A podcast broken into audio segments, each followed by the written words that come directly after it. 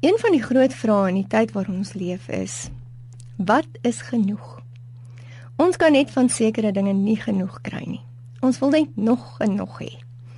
Anders as in baie ander westerse wêrelddele, beleef ons in Suid-Afrika twee werklikhede. Die een werklikheid is welvaart en klaarblyklik sonder enige materiële behoeftes. Die ander werklikheid is vol tekorte, gebreke en ontberings.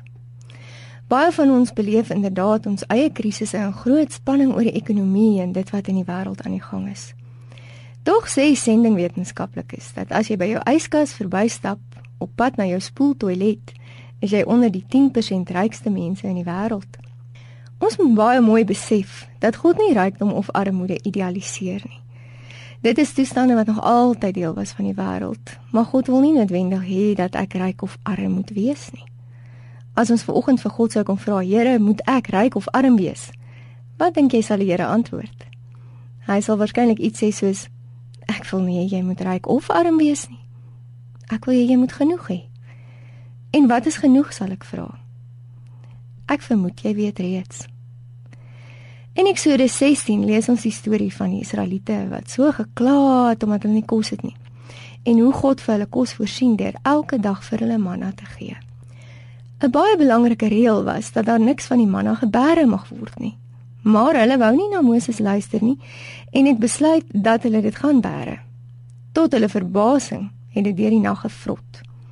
Moses was vreeslik kwaad omdat hulle dit gedoen het, want al wat dit beteken het, is dat hulle nie die Here vertrou het nie, dat hulle gulsig was en nie tevrede was dat dit wat hulle kry tog genoeg is nie. Tevredenheid is om maklik genoeg te hê.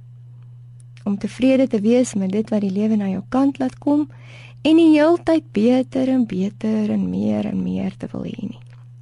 Die Israeliete was veronderstel om elkeen net te vat soveel as wat hulle nodig gehad het.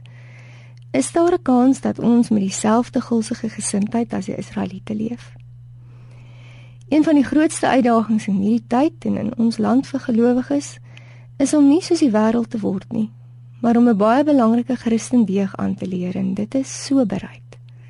Die woord soberheid beteken om met 'n gesindheid van matigheid te leef. Om nie oordadig te wees nie. Om maklik tevrede gestel te word om met ander woorde maklik te sê genoeg dankie